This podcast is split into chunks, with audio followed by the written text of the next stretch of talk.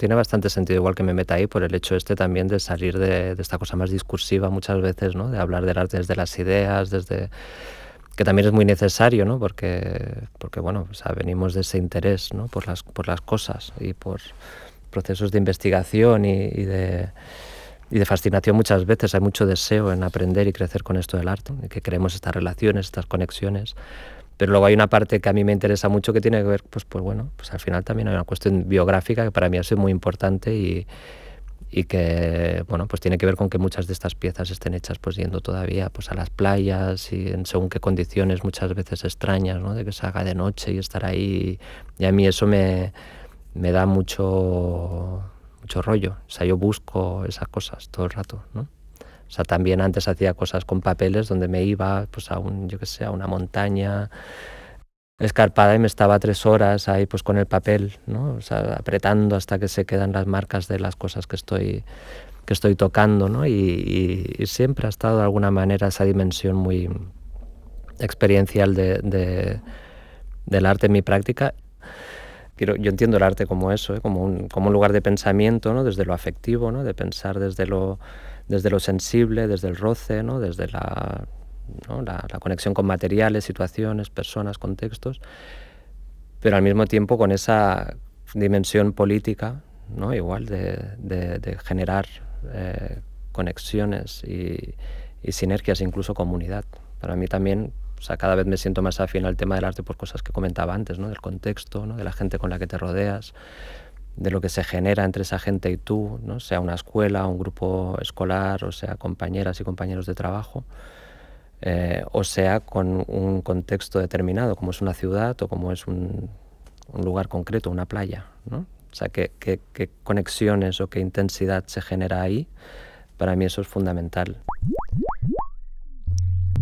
Marc Larré trabaja con video, fotografía, escultura y objetos para dar rienda suelta a una práctica diletante y de escucha atenta, tanto de los materiales que manipula como del contexto, lo que le rodea. En su pensar haciendo, Mark genera un sinfín de conexiones inesperadas entre situaciones temporales, objetos y personas, para poner en crisis cualquier noción de progreso y modernidad. Y lo hace a través de multitud de gestos y roces, que van desde el aplastamiento del axis mundi a pie de suelo hasta su predilección por materiales menores y efímeros, como la escayola, el barro o el papel, con los que forma y deforma objetos. La reivindicación del oficio y lo artesano, a través del encuentro y el hacer con otras, son estrategias adicionales con las que activa algo que podríamos entender como una arqueología del presente, que apela, como él mismo dice, a la hospitalidad de las cosas. En este podcast conversamos con Marc Larré sobre megalitos, piedras y antimonumentos. En la escucha aparecen prácticas artesanales, huellas, roces, Barro Escayola. Hablamos sobre la dimensión experiencial de su práctica y sobre las conexiones y sinergias con la comunidad artística de Barcelona. Y, como no, sobre arte, precariedad y la necesidad de pensar juntas nuestras condiciones de trabajo. Yo en algún momento pues entendía el arte como bueno, a mí me va a facilitar pues tener experiencias o una vida yo lo entendía en términos novelísticos también, porque en ese momento leía muchísimo y había una parte muy romántica de mi, de mi manera de ser. Yo digo, bueno, yo quiero tener la vida de un artista, que luego ves que la vida de un artista no tiene nada de romántico. Pero bueno, a mí me llevó a hacer cosas raras, ¿no? Como pues, por ejemplo, irte a, yo qué sé, de viaje con, con, tus colegas cuando estás estudiando Bellas Artes y llevas dos años y te quedan dos años más por delante, ¿no? Y, y, y hacer un viaje, pues que en ese caso fue Nueva York, y, y, a fantasear con la posibilidad de quedarme ¿no? y, de, encontrar una manera de, de poder estar eh, en una ciudad sobreviviendo pues, con ideas ¿no? bueno, que vinieran de un, de, una, de un aprendizaje del arte, o sea, que fueran ideas creativas. Y, ese viaje a Nueva York al que me estoy refiriendo, pues al final fue una, una experiencia con un grupo de cuatro compañeras de, de Bellas Artes donde me vino el arrebato este extraño ¿no? de una noche de insomnio pensar que igual ese viaje podía ser pues una aventura, ¿no? y lo voy a decir así, ya sin pretensiones eh, intelectualizadas, sí, yo quería vivir una experiencia intensa, ¿no? y era, bueno, pues igual es el momento, y digo, ¿y si me quedo? ¿no? ¿Y si este lugar, eh, esta ciudad que a mí no me interesa especialmente tampoco, porque yo no habría elegido nunca Nueva York, me habría ido antes a México, me habría ido a, a otros muchos lugares que me interesaban mucho más, pero pasó pues que se organizó ese viaje, ¿no? Y esa noche pues pensaba, bueno, ¿y si me quedo? ¿no? Pero no voy a decir nada, porque claro, no, no vamos con el dinero que vamos, habíamos estado trabajando todas, ¿no? Para poder pagar el viaje y, y tener esa, esa, ese bolsillo con algo de dinero para estar ese mes, pero no había más. Entonces era un poco extraño lo de pensar en quedarse, ¿no? Cuando ves que no, no tienes pues ni ni un lugar donde, donde quedarte, ni, estás yendo pues, a una residencia, ni estás yendo a, estudiar, ni estás yendo a trabajar, estás yendo a la aventura. ¿no? Y, yo estuve todo ese mes, que aparte es un viaje que, que, hice con un grupo, pero en un momento podría haber entrado también un, un compañero que estudiaba conmigo en aquel entonces, que es David Bestue, y, y me hace gracia traerlo también porque porque somos compañeros de generación, igual que, que Marc, ¿no? igual que otros otros muchos en Barcelona. Bueno, pues, eh, pues que yo estuve todo ese viaje pensando, oye, pues si encuentro una manera de, sobrevivir aquí, me quedo. Y fue el, mes de, la, del ataque terrorista, las Torres Gemelas. Entonces, estando ahí, llegamos un día 4, el día 11 pues se produjo el ataque, eh, pues la ciudad quedó como quedó, ¿no? La intensidad, ya os la podéis imaginar, las familias preocupadísimas porque estábamos ahí y, y bueno, fue muy particular eh, el momento, ¿no? Entonces eso también enturbió un poco la posibilidad de quedarme porque no era un, contexto muy acogedor en ese momento. Pero bueno, yo el día que estábamos recogiendo para irnos y haciendo las maletas, dije, venga, lo hago. Un día pues vi una caja de cerillas en el suelo que estaba de las que había antes, que no es una caja caja, no es una caja de las que abres y están las cerillas sueltas, eran estas que son como que se despliegan y que tienen dos hileras de cerillas, ¿no? grapadas y estaba usada y a mí esa caja me, me, parecía que era como una ciudad destrozada, ¿no? O sea, la vi en el suelo, o sea, que no es tampoco una ocurrencia que tengas, es un encuentro. Y a mí esta idea del encuentro siempre me ha servido mucho para entender mi, mi práctica, o sea, a mí me, gusta encontrarme las cosas. O sea, que el encuentro sea lo que genera un proceso, un interés, una, una investigación y una experiencia, ¿no? O sea, ese encuentro con esa caja eh, que cualquier persona podría haber pensado, bueno, pues sí, parece una ciudad y quedarse ahí. Yo creo que ese punto de locura que tiene la persona que se dedica al arte es que en un momento piensas, bueno, pues no solo me lo he imaginado, sino que lo voy a hacer y igual hasta me sirve para algo, ¿no? Ese, ese plus, lo único que nos separa un poco, yo creo, de, de lo que pertenece al común de los mortales, que es, que es el imaginar y el tener una postura creativa ante las cosas.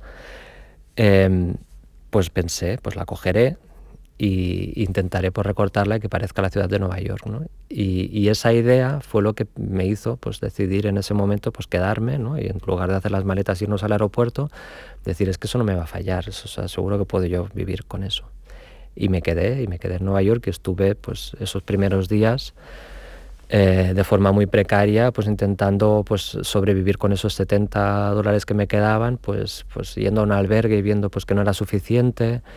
Eh, porque ya se me había ido la mitad comprándote la tarjeta para el, para el metro, porque, porque sabes que ahí pues no es lo mismo que aquí, ¿no? que saltarse no te, no te va a salir tan bien, ¿no? Y, y entonces en un momento pues decidí dormir en la calle, ¿no? Y, y estar ese primer mes pues durmiendo en, en un andamio, o sea, que, que, encontré en la calle eh, 19 con la, con la segunda avenida, ¿no? Y era un parque, ¿no? Y había un andamio abandonado, un andamio al que accedía por una reja al lado de un parque infantil y en, ese sitio estuve durmiendo un mes. Ese mes me permitió pues, pues hacer pruebas, ver dónde podía vender las, las, las cerillas, si eso era una posibilidad o no y, y bueno, me podría enrollar mucho, ¿eh? porque hay muchos detalles ahí ¿no? y cosas que pasaron, ¿no? de alguien que te conoces y que de repente pues, te facilita tener un día o pues, una ducha o lo que sea, o, el hecho de, probar de vender y ver que no funciona, porque yo pensaba que poner una cajita ahí en el suelo en mitad de Times Square ¿no? iba a funcionar, pero claro, la gente no se detiene ante,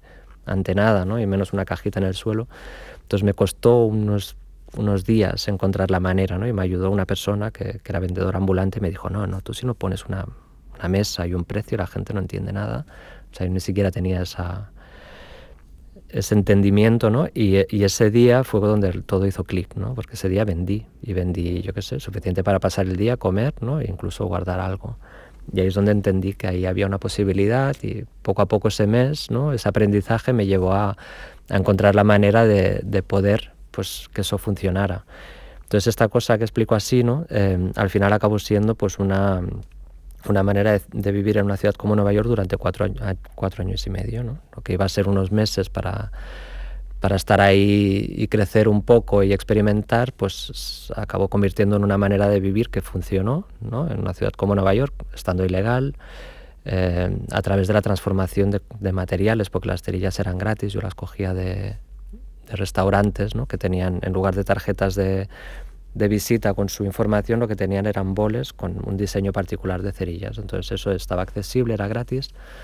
Yo lo cogía, eh, a veces pedía permiso, a veces no, a veces me daban una caja entera, entonces era todo como mucho más fácil, y lo transformaba, hacía la ciudad de Nueva York dentro de la cerilla, y lo que era más eh, singular ¿no? de, esta, de esta idea también es que las dos torres, ¿no? o sea, dentro de este perfil ¿no? de edificios que quedan cuando tú recortas las cerillas, la, el World Trade Center eran dos cerillas que tú las podías encender. Entonces era como una especie de, de maqueta, souvenir, reproducción, lo que tú quisieras. Y, y, bueno, esta idea me permitió vivir, vivir cinco años, ¿no? cuatro años y medio en Nueva York.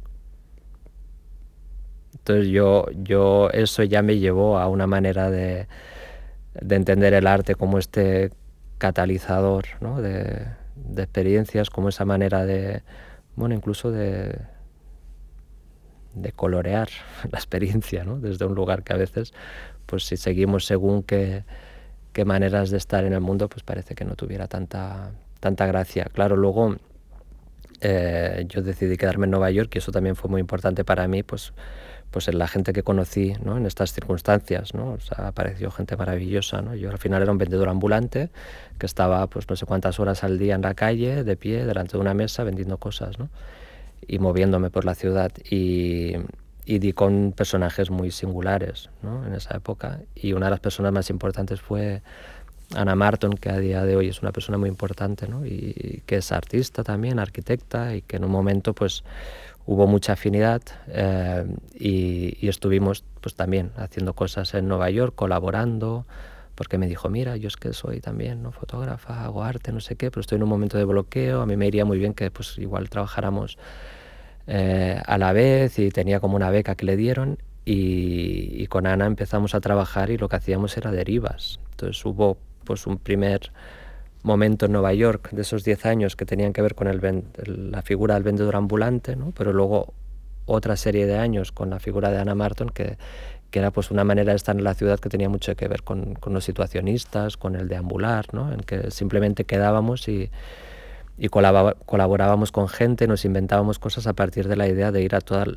al final de todas las líneas del metro de la ciudad de Nueva York ¿no? y ver si, si de ahí pues, podía surgir algo. A veces surgió un pequeño libro, de una recopilación de escritos, de poemas, a veces invitábamos a alguien que viniera con nosotras ¿no? y, y tuviera una experiencia y, y, ese modo de vida tan extraño que producía tan poco y que no participaba de nada ¿no? Eh, institucional, porque al final es que eso nunca se reflejó en nada, no, ha acabado siendo nada, me pareció una manera de estar también muy, muy singular, ¿no? de, ir, de ir creciendo. ¿no? Yo decía, es que es increíble que esté pues, pudiendo vivir una ciudad de como Nueva York de esta manera, porque es que no, estoy dentro de nada. Estoy ilegal, estoy eh, viviendo de esta manera y no, o sea, fue muy importante para mí todo ese momento. Y está en la base de muchas cosas. No estábamos vinculadas ni, ni, Ana ni yo al mundo del arte en realidad. Estábamos viviendo de una manera pues, pues que nos, nos satisfacía, nos llenaba, ¿no? También compartíamos muchas horas leyendo, viendo películas, ¿no? Era como de verdad una, eh, una manera de estar muy singular porque, bueno, trabajábamos lo mínimo. Para nosotras también todo lo que hacíamos era un trabajo, pero quiero decir que, que el trabajo para pagar y sostenernos en una ciudad como Nueva York era bastante reducido porque ya tenía un alquiler muy bajo y sí que es verdad pues que no ya llevándolo al tema del arte pues en un momento te empiezas a plantear bueno en realidad esto no está eh, siendo compartido, no está como de alguna manera quedando reflejado nada. Habíamos intentado pues, presentarnos alguna cosa, pero claro, como no participábamos de nada artístico, aunque ella en un momento sí que lo estuvo, pero que también se quiso desvincular. Y a mí no me interesaba especialmente tampoco el, el mundo artístico en Nueva York. En aquella época me parecía como un, un contexto bastante tóxico. ¿no? O sea, lo poco que pude acceder, pues me di cuenta que no me interesaba. O veía gente como muy competitiva, pisándose la una a la otra y como en situaciones así en las que pude estar en algún momento por gente que conocí, en que igual podría haber sacado rédito, provecho, ¿no? esa cosa más inteligente yo creo y que a veces me arrepiento también, esa parte que yo no tengo más estratégica, em, podría, podría haberme beneficiado mucho en ese sentido más... Em, más profesional ¿no? del, del, arte, pero, pero no, no, no me sentí en ningún momento afín a eso, que es todo lo contrario de lo que me ha pasado con los años en Barcelona, donde he visto pues, una manera de estar y de proceder en el mundo del arte que, que sobre todo los últimos años me parece que tiene que ver pues con una empatía y un compañerismo ¿no? y un sentido de comunidad muy, muy particular. O sea, yo no sé si mucha más gente piensa como yo, ¿eh? yo también a veces pues, respeto otras posturas y, y no hablo en general porque no sé si todo el mundo comparte esto, pero, pero a mí me da la sensación de que estamos en un momento muy, muy, muy interesante para mí a nivel de la calidad de arte que se está haciendo ¿no? en una ciudad como Barcelona, el potencial que tiene mucha de la gente que está funcionando aquí, al mismo tiempo que hay una, un, sentido de, de, lucha, pero que, pero que aquí nos apoyamos. Y yo lo veo eso mucho con la gente con la que comparto, ¿no? de generación y generaciones por arriba y generaciones por abajo. ¿no? O sea, es una maravilla pues, compartir tiempo cuando hay inauguraciones en Half House con toda la gente vincula, vinculada a ese espacio ¿no? y, y, y, lo, y, lo, que compartimos y al mismo tiempo pues, con generaciones que están ahora eh, subiendo con mucha fuerza, ¿no? pues como una Mónica Planas o una Alex Palacín. Eh, y que también compartimos los mismos espacios y muchas veces hay intereses similares, ves que, que está Barcelona en un momento muy, muy interesante. Y, si bien en Nueva York yo tenía esa sensación de que es que no me quiero vincular con esto, o sea, yo prefiero trabajar desde otro lugar, aquí eh, no, no sucede lo mismo, es otra cosa.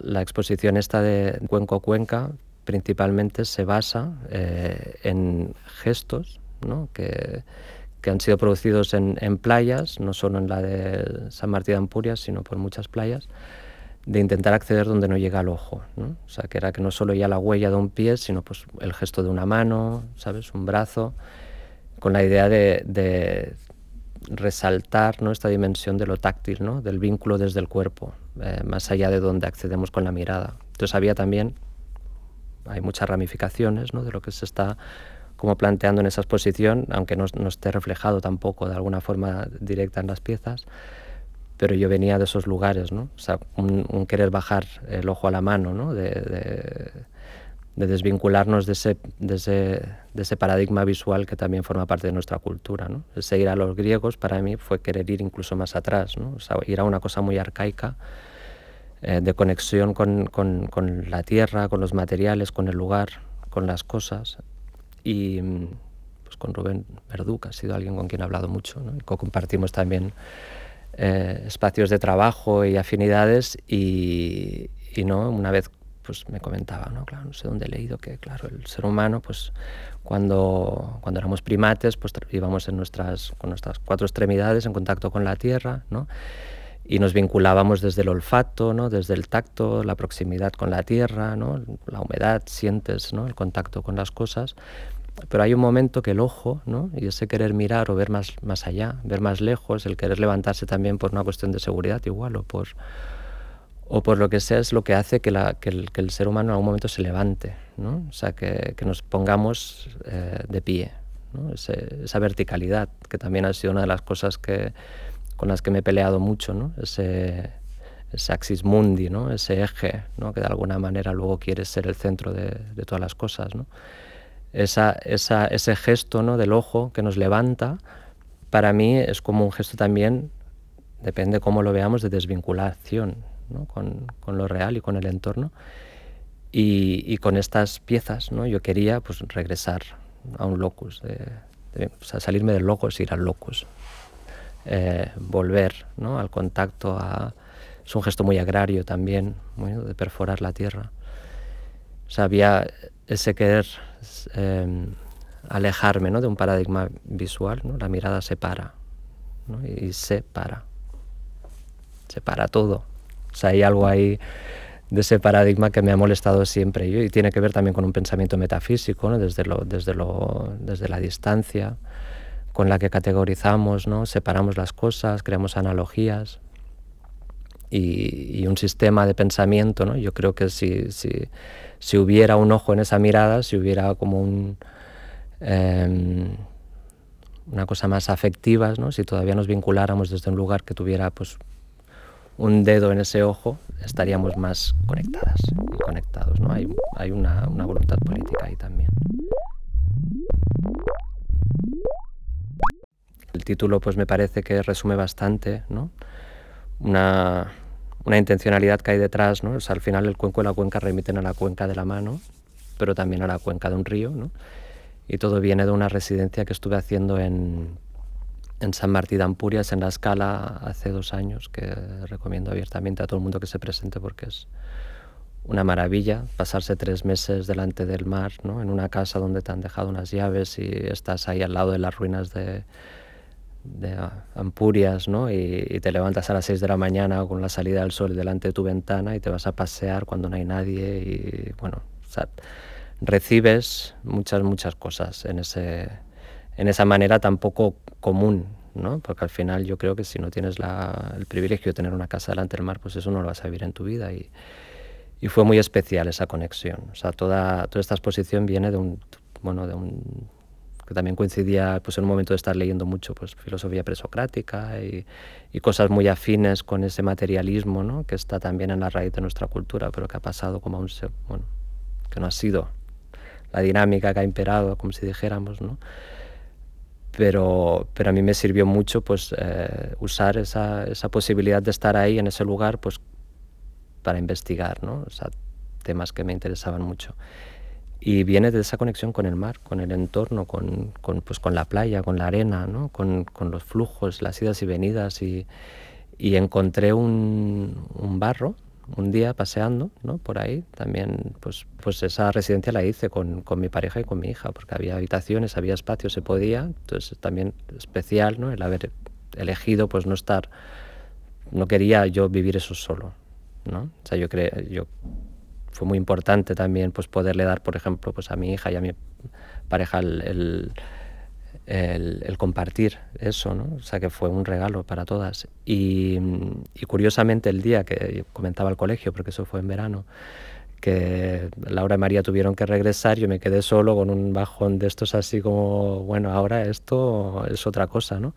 Y andé igual un poquito más lejos de lo que solía andar por las mañanas, esa tarde, y fue curioso porque pues paseando por la, por la playa, parque natural, ¿no? de las marismas que hay pues tirando norte, eh, llegué a la zona de los campings y andando empecé a encontrar como unas bolas de, de, barro en la playa, ¿no? que parecían piedras, pero yo digo, esto tiene una textura extraña, ¿no? lo tocaba con el pie y era, era, era, barro. Y yo que llevo bastante tiempo trabajando con barro fue como un encuentro maravilloso. ¿no? Luego eh, llegué a un lugar donde había no solo estas bolas, sino como una especie de lengua de barro que aparecía debajo de la arena, eh, que estaba visible, luego descubrí pues porque había habido un temporal, o sea, no era, porque he vuelto mucho y he estado intentando encontrar eso otra vez y no lo he encontrado, o sea, fue esos meses que yo estuve ahí que apareció y hablando con el arqueólogo, ¿no? que estaba en la planta de arriba donde está la residencia, pues me dijo, no, sí, sí, es que has encontrado la, antiguo, la antigua desembocadura del río Fluviano.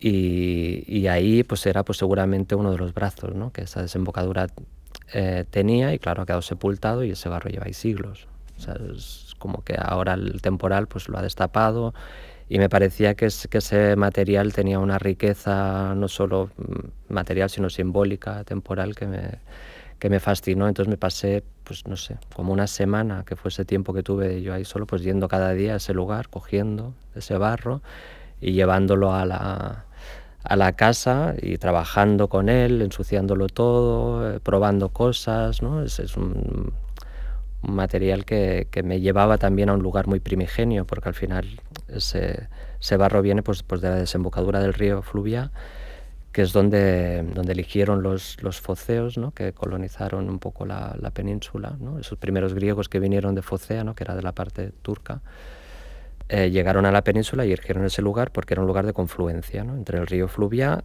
y el mar Mediterráneo. Entonces podían comerciar, subir el río y comerciar con, con las, las tribus o los asentamientos íberos y al mismo tiempo pues, comerciar con el Mediterráneo. Y ese lugar de confluencia pues, es el origen de una de las lecturas históricas de nuestra cultura, ¿no? de, esa entrada ¿no? de, la, de, la, cultura griega en nuestra península, ¿no? ese contagio. Y es, esa mezcla de cosas me parecía muy rica ¿no? y de alguna manera ese material lo contenía. Me ha costado mucho llegar a algo eh, con algo tan cargado, casi que no quería hacerle nada. Para mí ya, ya tiene mucha fuerza en sí mismo. Pero claro, eso fue derivando en otras ideas, otros procesos, ¿no? esas, esas idas y venidas, el, lugar, ¿no? me fijaba mucho en las huellas, cosas que me encontraba. Entonces fue derivando poco a poco pues también a la arena, a las conchas que me encontraba, que también se impregnaba ese material de esos elementos y, en un momento quise pues eh, también, ¿no? como probar cosas con, con la idea de la cavidad, ¿no? del, gesto, de una presencia en un material como la arena, que me parecía que era muy significativo desde un punto de vista escultórico, ¿no? Porque al final la, la, huella tiene algo de acogida también o de respuesta. ¿no? no se puede producir una huella en un material duro que sea insensible, ¿no? requiere pues, pues un material como la arena o como el barro, que tienen o agua o aire o espacio y que de alguna manera cede ¿no? y genera ese, ese lugar, ese hueco y ese hueco para mí fue como también ¿no? algo muy, muy importante porque em, yo entiendo mi relación con, con, el entorno o con las demás desde ese lugar de, de, acogida, ¿no? de roce. ¿no? Lo decía antes, que me interesa el vínculo, ¿no? lo cercano. A mí me habría encantado ser escritor, más que artista. Vamos, si hay algo que admiro más que, que la gente que se dedica al arte es la... Eh, bueno, yo tengo una... Podría pasarme el resto de mi vida leyendo y no, no me importaría. ¿Sabes? Una cosa, sí que es verdad que es un poco pasiva, simplemente leer y no hacer nada más, pero vamos, yo es que adoro esa, vamos, es que devoro los libros. Y, y siempre me ha interesado mucho la escritura en relación a, a, la práctica artística porque me parece que a mí me ha ayudado a entender muchas cosas. Y luego hay una, una dimensión de la escritura que tiene que ver también con, bueno, con una manera de pensar que solo se produce en ese gesto, ¿no? Hay como una, una, dimensión demónica casi, ¿no? De que se te lleva algo. O sea, yo no pienso igual si estoy así, ¿no? Como especulando o hablando, ¿no? Que cuando está el gesto de la mano, ¿no? Y ese tiempo, esa temporalidad, te lleva a lugares insospechados. Entonces me gusta pensar que también la escritura tiene un, un, elemento que es de los que comentaba antes, ¿no? de cuando trabajas con materiales y lo que sucede que te lleva a lugares insospechados. ¿no? La escritura tiene un poco eso también. O sea, ah, se te llevan. Y a mí me interesa cuando pasa eso en relación a algunos textos, ¿no? O sea, que haya incluso un lugar de partida y luego un lugar de llegada que es totalmente imprevisible. Y luego, eh, en el caso particular del texto de la exposición de Cuenco Cuenca, es un, es un texto que, que, no quiere ser tampoco un poema o una cosa medio... O sea, que no quiere ser un texto que explique la, la obra, o sea, no es discursivo. Para mí es muy coherente con la exposición porque no, no quería ir a ese lugar. O sea, cada vez estoy más interesado en que las piezas hablen por sí mismas y no tener que decir nada. Y alejarme un poco de ese paradigma discursivo del arte catalán también, ¿no? que muchas veces ha estado como eh, muy presente en la práctica de mucha gente ¿no? de mi generación, ¿no? que parece que la herencia esta conceptual catalana eh, haya llevado a un tipo de prácticas que de alguna manera nos, nos, nos, alejan de lo material o que hacen que lo material sea una ilustración de lo discursivo y para mí eso cada vez me ha estado interesando menos. ¿no? Yo estoy eh, alejándome de ese lugar para, ir a un lugar mucho más vinculado ¿no? con, los materiales, con los procesos ¿no? y, con, maneras de, de, de, sorprenderme yo mismo. Y este texto está escrito al entrar al mar. O sea, es, es un texto que en una de esas paseos durante esa residencia, ¿no? Eh, tuve experiencias muy, muy bonitas entrando pues muy pronto cuando el agua no se mueve, ¿no? O sea que básicamente no hay olas y que eso pasa en ese lugar, supongo que pasa en otros, pero como no he estado nunca tanto habla del mar, ¿no? Que, que, que vas andando y te, te, te, te, bueno, te abrasan las sensaciones, ¿no? Y hay una, una, una manera muy particular de, de, de experimentar esa idea del, del, entrar al mar ¿no? como un medio que te, que te lleva a otros lugares. ¿no? Y, y, y, había como sensaciones muy particulares que me interesaba reflejar en el texto, como si estuviera siendo escrito en directo casi. O sea que, que yo lo que, lo que hice con este texto es intentar salir del agua y escribir lo que estaba sintiendo, ¿no? en lugar de, de que fuera un texto especulativo. Entonces hay cosas un poco extrañas, pero son básicamente sensaciones que, que se producen en ese gesto y para mí tenía mucho que ver con esta cosa de entrar, ¿no? de, de, de perforar la tierra en este caso, metiendo el cuerpo dentro del agua.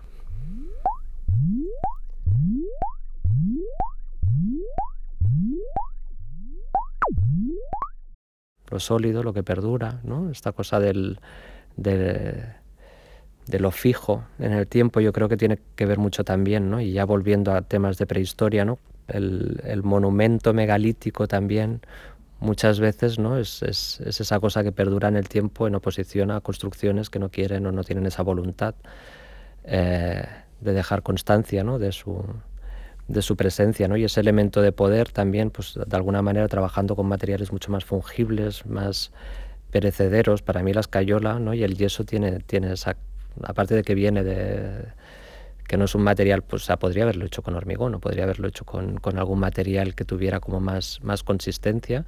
Y, y, para mí el material es muy significativo en este caso.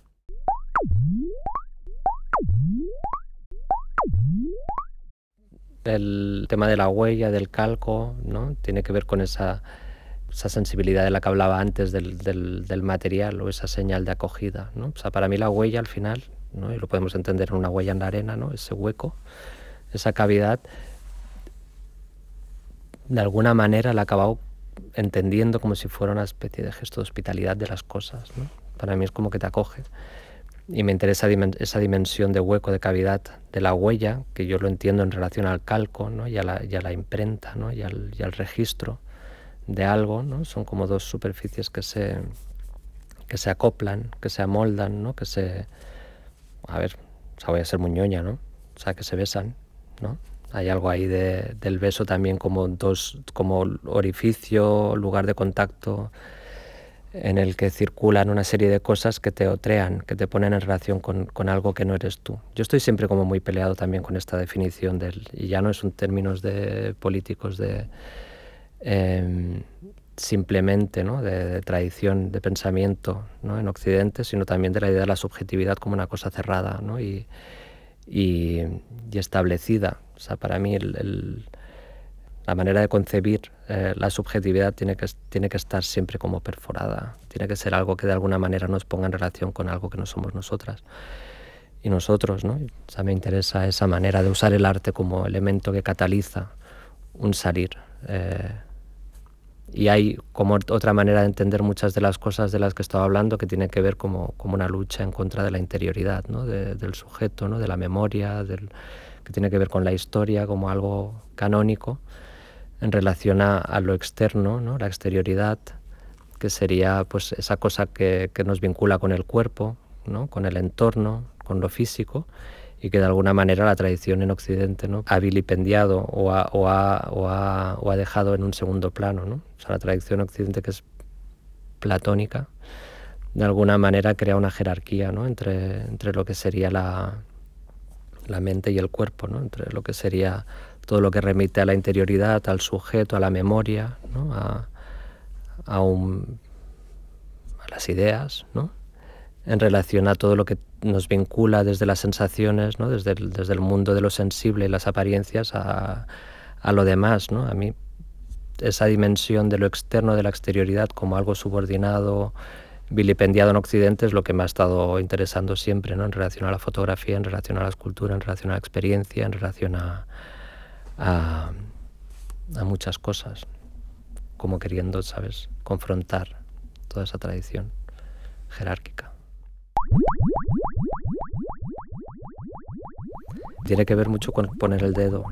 Una manera de materializar un hiato, una distancia, un hueco, ¿no? un espacio entre dos cosas con la intención de generar una imagen. ¿no? aunque sea una escultura, lo que se produce cuando tú juntas eh, la trama del suelo con la trama de un neumático encima poniendo el barro, ¿no? ese lugar de encuentro entre dos superficies, yo lo que buscaba ahí era, era visibilizar algo que ya existe, o sea, porque el, coche pasa por encima de las baldosas de Gaudí, pero materializarlo con la voluntad de, bueno, de establecer una máquina interpretativa extraña en muchas de esas cosas. ¿no? Y entonces a mí ahí me interesa la horizontalidad del suelo con la curva del neumático ¿no? y poner en relación algo que remite al patrimonio, ¿no? esta cosa patrimonial de las baldosas de Gaudí, que de alguna manera son un icono y un emblema y que remiten también a lo natural, a lo bucólico. Lo quería poner en relación con la, ¿no? el modernismo, ¿no? que tanto ha sustentado esta ciudad ¿no? y, la, y la ha fetichizado, ¿no? ese modernismo eh, con, con, el, con, la modernidad, con el neumático, con la cosa burda, ¿no? de, esa, de ese elemento que también tiene que ver con, con el sujeto moderno que hablábamos. ¿no? al final, si quisiéramos resumir el, el, siglo XX, lo podríamos resumir a nivel anatómico poniendo un televisor encima de un coche. A mí esa imagen siempre me ha parecido muy ilustrativa porque al final el coche es lo que ha transformado nuestras maneras de movernos y de ocupar el espacio a nivel global y luego ha generado toda una economía en relación a eso, ¿no? o sea, el, el petróleo, si antes eran barcos y ballenas, luego ha sido pues, la extracción de petróleo, y luego el televisor, ¿no? como aquello que ha colonizado nuestras mentes desde la, la, industria cinematográfica, lo audiovisual. Entonces hay algo ahí entre ese coche, ¿no? como emblema o epítoma de, del cuerpo ¿no? Eh, en la modernidad en relación con ese, esa promesa bucólica falsa ¿no? de la, del modernismo. Eso me interesaba. Igual que me interesa cuando eh, hay una pieza de barro también que está entre eh, colocada entre un balón y el agujero de la metralla ¿no? en San Farimneri. Eso era también algo que pasa ¿no? y que lo ves y dices, bueno, ahí pasa algo. ¿no? Y en lugar de quedarte pues, con la anécdota de verlo y detectarlo, ¿no? Esa, pues lo materializas en una escultura pues, a través de ese elemento que, que se interpone como el barro ¿no? y que se impregna y que es sensible, poroso, que, que acoge las cosas y, ahí me interesaba también esa relación de, de, distancias y de tiempo desde algo muy cercano que tiene que ver con el roce. ¿no? Al final el agujero de la metralla es una bola a una velocidad muy grande que impacta sobre una superficie que genera toda una serie de horrores también porque murió mucha gente ¿no? y que tiene que ver con la guerra y el balón de los niños que juegan hoy en día, ¿no? o sea, medio siglo más tarde todavía en ese lugar. Eh, con esa inocencia ¿no? y también con esa promesa de hacerse en algún momento adultos y adultas también y pasar a jugar de otra manera que tiene que ver más con la guerra otra vez. ¿no? O sea, hay, hay algo ahí muy, muy rico en, en asociaciones que en todas esas piezas de los contactos me interesaba de alguna manera poner en circulación. Hubo un momento donde me di cuenta de que podía resumir muchas de las cosas hechas en los últimos años, ¿no? desde, esa, desde esa idea de lo cercano, ¿no? del, del tacto, ¿no? de lo, de lo, de lo, del roce, ¿no? de lo contiguo, ¿no? de, la, de la vinculación y que había una serie de trabajos que eso lo, planteaban desde un, desde un eje físico, ¿no? que son pues, los trabajos en barro, tocando superficies, ¿no? creando como espacios entre cosas, eh, fijándome en esos huecos, ¿no? y que tenía que ver con eso, pues poner cosas juntas en un eje espacial, que están cercanas, y luego había trabajos en los que había hecho lo mismo, pero desde, una, desde un eje temporal, y que eran las sincronías, ¿no? y que eran trabajos que tenían que ver con poner cosas juntas en el tiempo. Entonces trabajar pensando pues, que cosas pasan a la vez aunque no estén necesariamente cerca.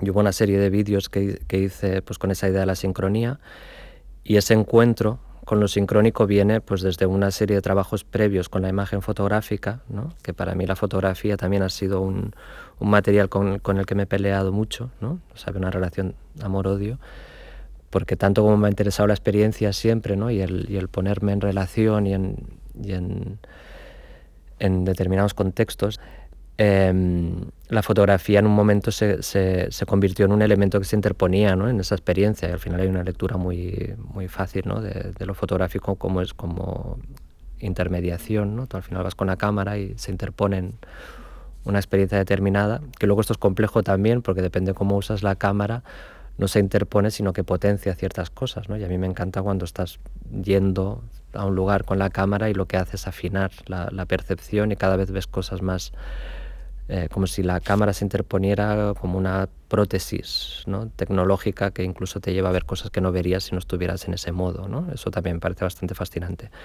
Pero esta, esta relación con la fotografía en un momento me pareció que yo quería pues, pues hacer que la fotografía me vomitara la experiencia de nuevo en lugar de interponerse. Entonces la maltrataba, la cortaba, la doblaba, o sea, la, la, la, trataba como si fuera una cosa, ¿no? en lugar de de algo que me remite a algo que no está presente, ¿no? Esta, esta dimensión de la fotografía en términos de representación.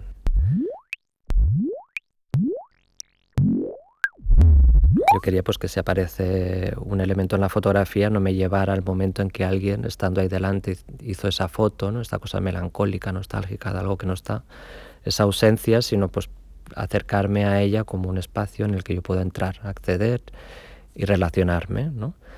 eh, devolverle esa presencia. ¿no? Y, y, dándole vueltas a todo esto, en un momento pues pensé pues, que también la fotografía, eh, el hecho que nos relacionamos con ella, pues haciendo una fotografía de algo que está delante, ¿no? esa, esa proximidad de lo que está delante de la lente también es, es una convención, sí, en términos ontológicos la fotografía muchas veces se ha entendido como un momento de apertura temporal, ¿no? o sea, como algo que capta un momento, un instante. Entonces yo decía, bueno, ese instante está abierto a todo, a todo lo que está pasando en ese momento. O sea, que yo me limite a lo que sucede delante del ojo de la cámara también es una convención. Yo puedo entender la, la imagen fotográfica como algo que, que, bueno, que se ha enfrentado a un momento de la historia de la humanidad que se concreta en ese día, esa hora, en ese segundo, cuando, pues, en otro lugar está pasando otra cosa. Y eso me hizo pues trabajar con esta idea de la sincronía como otra, una manera de subvertir ciertas cosas, ¿no? Y que luego también ponía en jaque todo el, el paradigma temporal occidental, ¿no? de, la, de, entender el tiempo como algo lineal, ¿no? el, ese mito del progreso, ¿no? de que avanzamos hacia algo, esa visión teleológica. ¿no? Y la sincronía al final lo que te hace es eso, poner todo junto otra vez. Era, era también una manera de entender el tiempo que existió en la época arca, bueno, eh, griega, leyendo así de forma amateur textos, textos eh, de los griegos había maneras de concebir el tiempo que no simplemente eran términos cronológicos. Eso al final es lo que ha acabado imperando ¿no? en Occidente, pero había pues, una manera de entender el tiempo como el ayón, una manera de entenderlo en términos sincrónicos. Y eso está ahí en esos trabajos.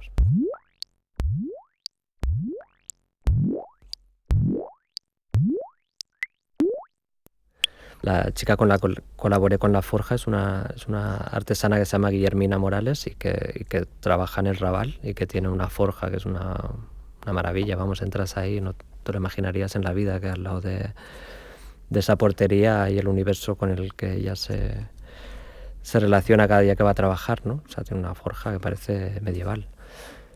Y, y en, en, ese, en esos trabajos sí, o sea, trabajé con diferentes artesanas y artesanos y, y, venía de ese trabajo con la sincronía, ¿no? Y, y, que trabajaba en relación a la imagen, pero en ese, en, en ese momento lo quise, ¿no? También con la ayuda de una beca, ¿no? Del, del BBVA, que tuve la suerte de recibir en ese momento. Eh, quise colaborar con artesanas y artesanos de toda la península para, para sincronizar procesos de fabricación, ya no sincronizar cosas, ¿no? Como había hecho en los vídeos y y algunas fotografías en que pues, intentaba hacer la imagen eh, o ese momento del vídeo justo en el momento en que algo pasaba en otro lugar. ¿no? Y entonces tú en esos vídeos ves en el faldón que te está anunciando algo que pasa mientras tú lo que ves es otra cosa. Eso lo quise llevar más allá y, y hacerlo ya durante el proceso de fabricación de objetos de, con vidrio, con hierro, con, con barro, con piedra y al final lo que, lo que, lo que esas piezas escultóricas te decían es que el título, el título remite a lo que está sincronizado. ¿no? Hay una, una, pieza de barro que está exactamente sincronizada con el día en que se votó el Brexit. Em, hay una ocarina que está sincronizada con una conjunción entre, dos, entre Venus y Júpiter, que pasó el día después de que naciera mi, mi hija también. Que ya tenía como el, momento pactado para, para, ir a hacer esa pieza y coincidió casi ¿no? en el tiempo con el, con el nacimiento de María y me acuerdo pues de estar en el hospital y tener que irme a Mallorca porque la artesana era de Mallorca hacer esa pieza y luego volvería a encontrarme a, a María en casa de, de mi madre, ¿no? con Laura.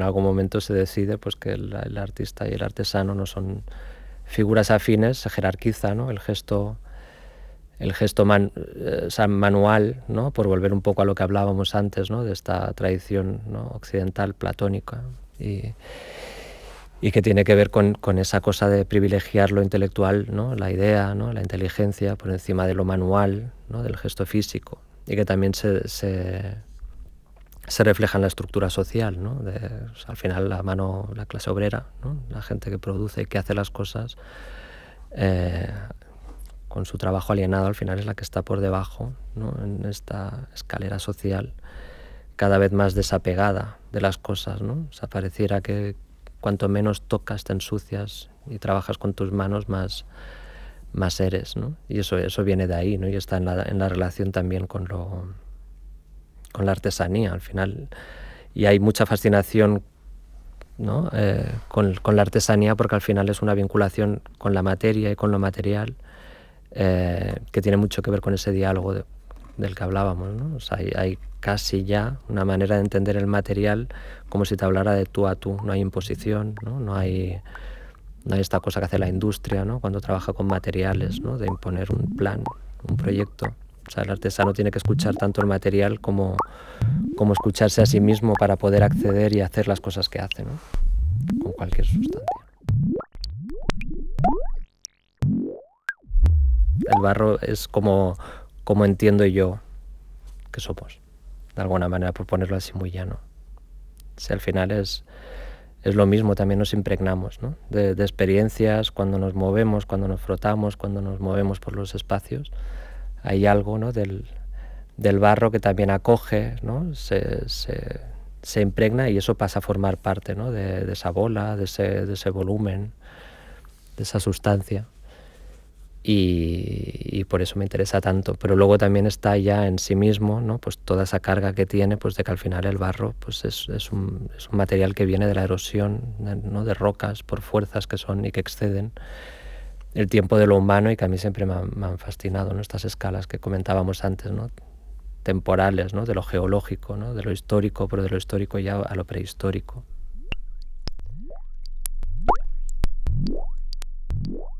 hay dos cosas ahí, ¿no? La, el interés por lo escultórico, que al final ¿no? la escultura históricamente se vincula mucho pues, con megalito, ¿no? pero también se, se vincula mucho con, el, con la idea de monumento y también con el fetiche burgués. ¿no? Entonces, las tres cosas para mí tienen, tienen un ángulo de peligrosidad que es, que es el, la vinculación con el poder. ¿no?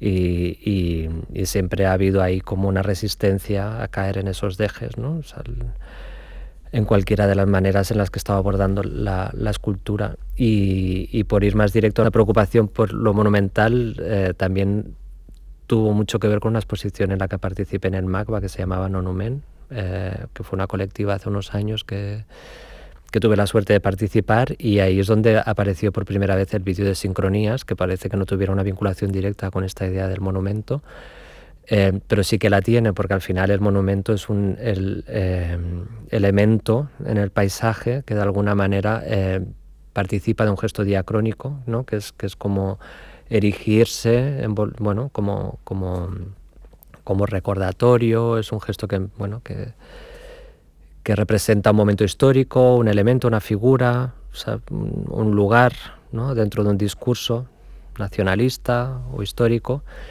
Eh, pero siempre como, como queriendo permanecer en el tiempo en esa, en esa línea temporal ¿no? de, diacrónica que hablábamos, que es, que es de alguna manera el, eje que da lugar al mito del progreso, ¿no? porque parece que nos estemos moviendo o avanzando y, y, yo quería de alguna manera como revertir esta, esta idea ¿no? del tiempo lineal eh, del que participa la idea de monumento a, partir de la idea de la sincronía como lugar en el que todo pasa a la vez ¿no? y que de alguna manera pone junto otra vez las cosas y que rompe el, el cronos.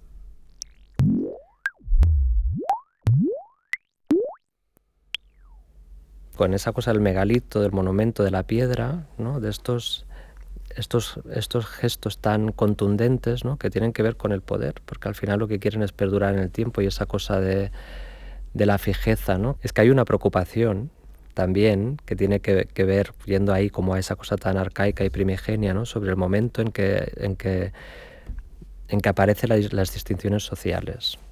Me interesa cómo acercarme, ¿no? A dónde, dónde puede ser, dónde aparece eso, ¿no? Cuando estoy hablando todo el rato desde lo próximo, desde lo cercano, lo afectivo, como aquello que nos vincula, ¿en qué momento nos, nos separamos, nos abstraemos, ¿no? ¿En qué momento se produce esa abstracción? Que aquí me viene a la cabeza un texto maravilloso de María Zambrano también, que, que recomiendo leer a todo el mundo, que se llama Pensamiento y Poesía en la Vida Española, que es un texto de una conferencia que dio en el exilio y que a mí me hizo entender muchas cosas. ¿no? Es un texto maravilloso donde ella empieza a hablar de, de, qué, qué, podría singularizar ¿no? a la gente. O sea, claro, ella habla en términos que ahora están un poco desfasados, como bueno, el, carácter nacional, ¿no? el, el carácter de lo español. O sea, todo eso suena muy mal ahora pero sí que intenta entender qué, qué singularidad ¿no? hay en, en, lo cultural de esta parte del mundo. ¿no?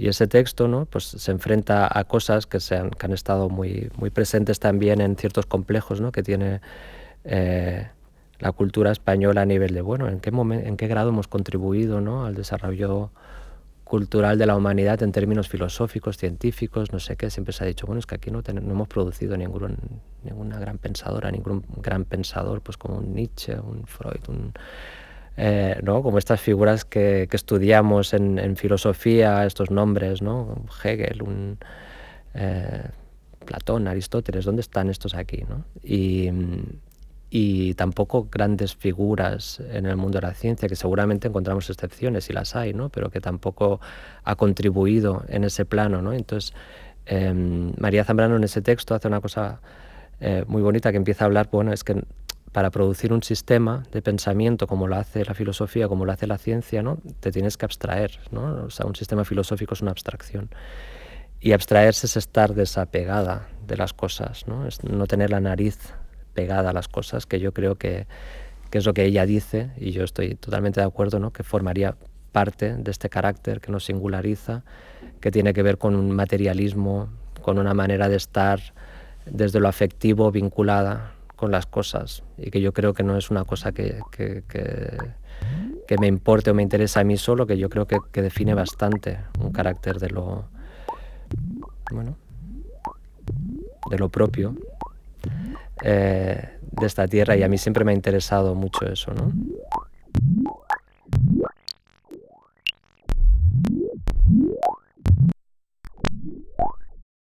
Que esta cosa del objeto artístico fetichizado ¿no? y desvinculado, ¿no? esta cosa del arte por el, por el arte me parece una patraña. ¿no? O sea, a mí me interesa que el arte de alguna manera se inserte en una estructura dada, que participe de las cosas, eh, que tenga una función. ¿no? Y una de las maneras más, más inmediatas que he encontrado para que, para que el arte responda ¿no? esta manera de estar desde lo artístico eh, vinculada es, es, es, trabajando en, en temas de, educación. ¿no? Y ya llevo un tiempo pues, eh, enfrentándome a situaciones y participando en, en, diferentes contextos y uno de los proyectos que, que me ha mantenido más, más, más tiempo en ese lugar ha sido un proyecto que, que tuve la suerte de, de, empezar hace dos años a través de una beca que se llama Resistencias Artísticas, prácticas artísticas en contextos educativos, ¿no? que da la, la comunidad valenciana, y que me llevó a, colaborar por primera vez con una franja de edad con la que nunca había participado, que son niñas y niños de, de 9 y 10 años, y luego en una escuela, también en un contexto muy particular, ¿no? de, bueno, de riesgo de vulnerabilidad social, ¿no? en la periferia de Castellón de la, Pal, de la Plana, ¿no? en un barrio que es que está en el puerto, que se llama El Grau, y con niñas y niños de, pues de, distintas procedencias, muchas de ellas de etnia gitana y, y, rumana, y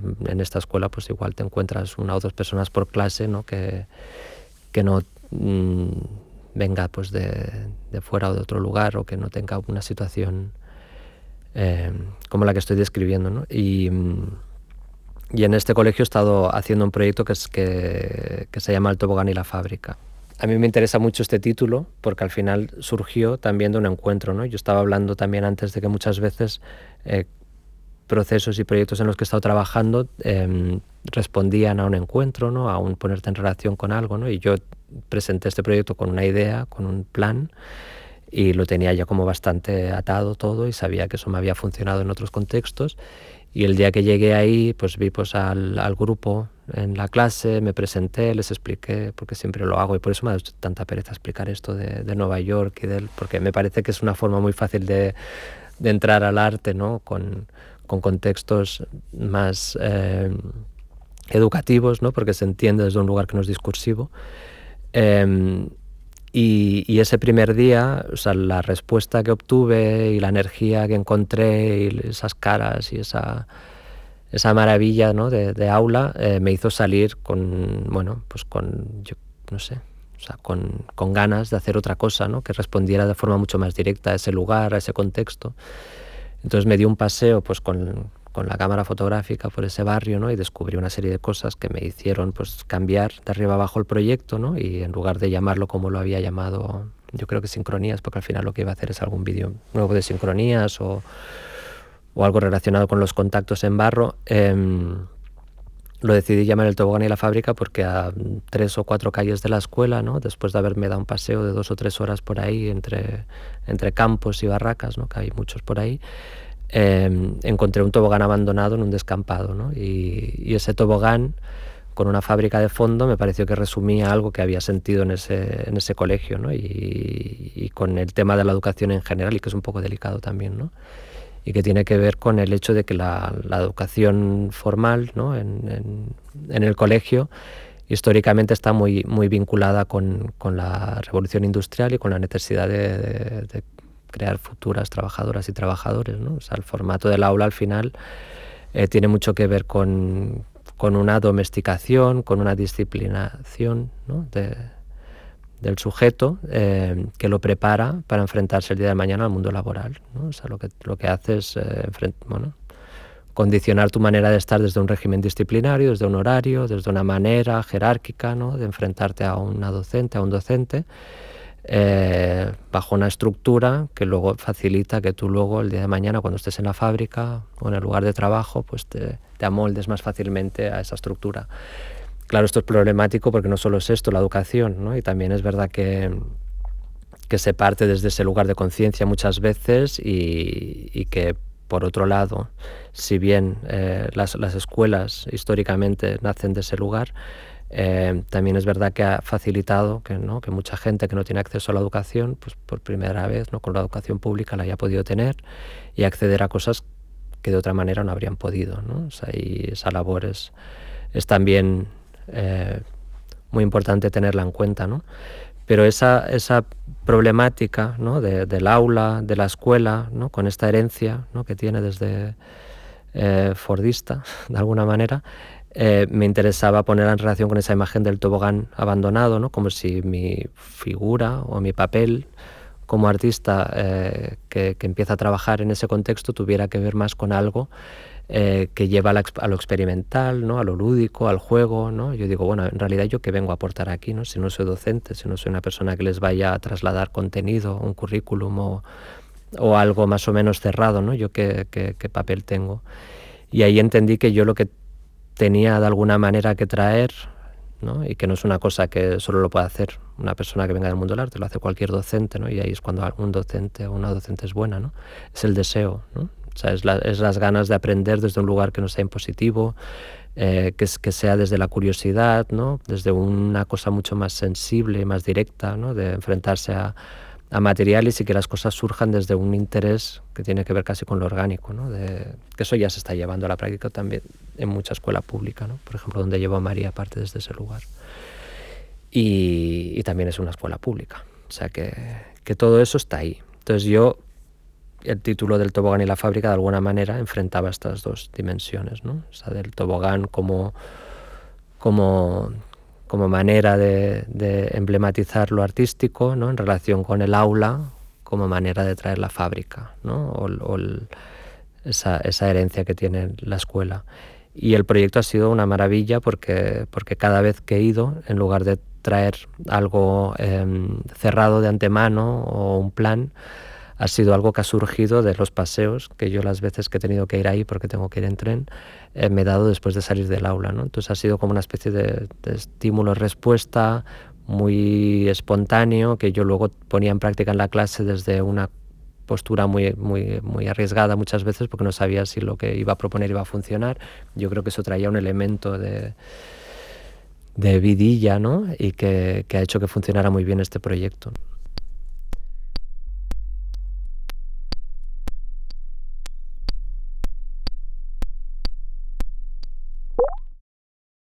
El encargo ¿no? de trabajar en el proyecto de condiciones de trabajo vino como respuesta de, del MACBA, ¿no? de la institución, a una demanda por parte de un equipo de trabajadoras y trabajadores que, eh, que vimos que las condiciones en las que estábamos trabajando igual no se adecuaban a lo que esperábamos ¿no? de una institución como el MACBA, que al final no deja de ser la casa de, del arte ¿no? para la gente que se dedica a esto.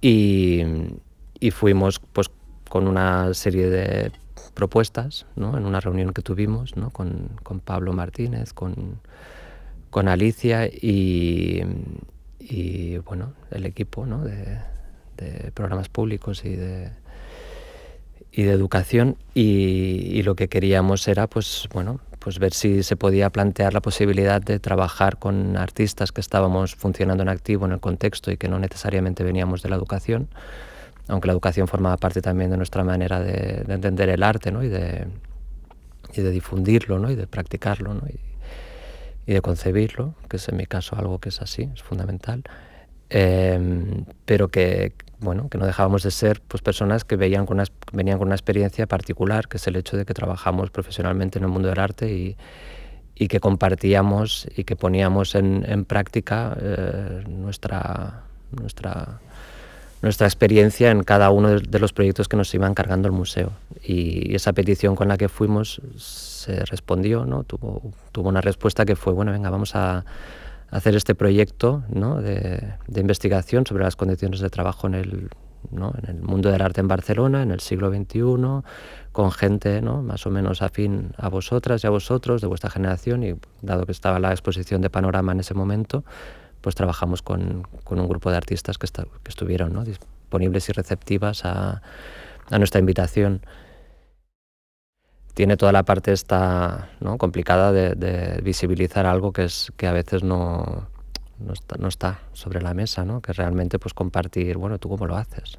Quiero decir, que tenemos mucha cercanía, mucha gente del sector artístico en Barcelona, ¿no? Yo me siento muy privilegiado de formar parte de una comunidad como la que hay ahora mismo, ¿no? O sea, con compañeras y compañeros y mucho cariño. Eh, pero a veces todo es, y esta cercanía pues cuesta llegar ¿no? en, en momentos de, de, compartir a puntos que tocan muy de cerca pues cuestiones de, de supervivencia ¿no? y muchas veces te preguntas bueno ¿cómo, cómo se lo hace esta persona no sé y este proyecto ha servido también para que nos sinceráramos muchas y muchos con, haciéndolo con mucho cuidado que eso ha sido uno de los de los eh, aspectos más delicados ¿no? de, la, de la propuesta que era bueno cómo lo vamos a sostener esto para que no genere ni, ni rencores, ni, ni, hagamos que nadie se sienta vulnerabilizada por el hecho de exponerse, según de qué manera, cómo, cómo facilitamos que esto pase y, nos exponemos también nosotras. ¿no?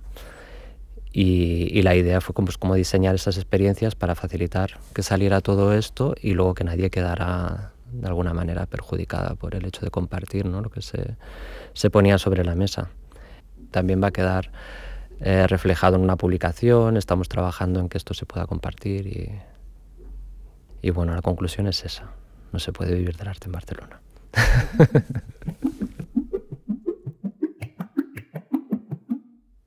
Hay una preocupación por, bueno, por el contexto y por las compañeras y por, eh, y por, y por sostener esto que, que, hablábamos también en relación a las condiciones de trabajo, ¿no? O sea, tan precario y al mismo tiempo tan bonito, ¿no? O sea, que me parece tan que estoy como en un lugar de dificultad y al mismo tiempo de privilegio, ¿no? De, de saber que, es casi imposible mantenerse en esto, pero al mismo tiempo, ¿no? Hay, hay, hay tanto, ¿no? Y hay, hay pues incluso en relación a lo que estáis haciendo con estas entrevistas, ¿no? Qué cosa más bonita poder compartir todo, todo esto con gente que tiene los intereses que tiene, ¿no? Y que podáis estar aquí dialogando, escuchando.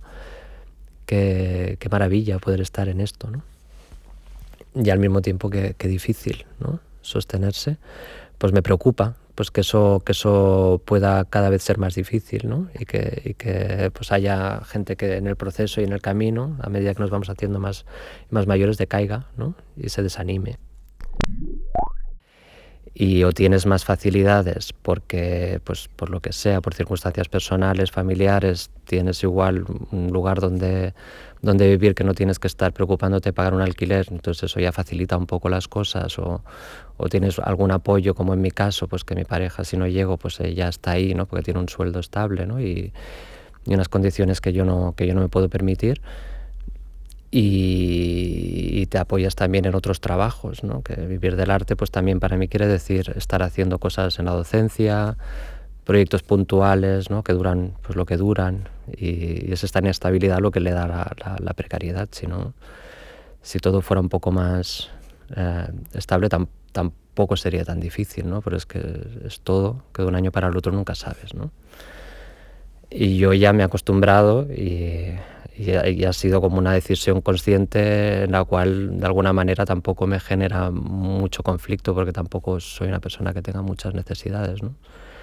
Y me sé buscar bastante bien la vida con, pues yo qué sé, o sea, si no me puedo permitir según qué lujos, pues yo, a mí no me importa salir del Carrefour con un parmesano en, en el bolsillo, ¿no? O colarme en el metro y esas cosas las he hecho toda la vida, las seguiré haciendo y forman parte de un elemento de compensación de, ¿no? O sea, como si, no sé, hay que, hay que acogerse a, a lo que se pueda a veces.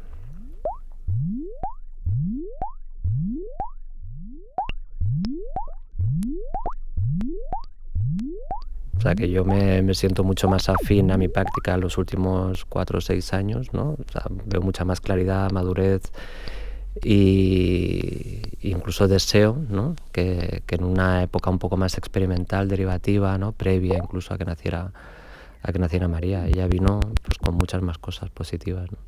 Y luego hay otro aspecto muy importante a nivel de la crianza y la familia, que es eh, el apoyo que en mi caso recibo también por mi pareja, ¿no? En muchas cosas que, que, teniendo una hija, pues eso yo creo que se tiene que decir también, ¿no? O sea, yo hay momentos donde, bueno, donde no llego, no puedo estar, pues porque me ha salido esto y me tengo que ir ahí, hay una inauguración y voy, ¿no? Y muchas veces, pues a partir de una cierta hora quien se queda es, es Laura, ¿no? Con María. Y hay mucho apoyo en ese sentido y también apoyo económico y nos apoyamos en muchas cosas, ¿no? Y muchas veces nos apoyamos en otras personas. Yo en mi caso pues cuento con una pareja que cuando yo no he llegado porque tenía que recibir no sé qué pago, qué tarda, lo que tarda. Muchas veces si tenemos que pagar el alquiler, pues si no llegaba, pues ha estado ahí. Y yo no sé si hay muchos perfiles que cuenten con este tipo de apoyo y yo eso lo, pongo por delante porque es, realmente es bastante significativo y va de la mano de lo de la crianza y va de la mano de muchas cosas. ¿no?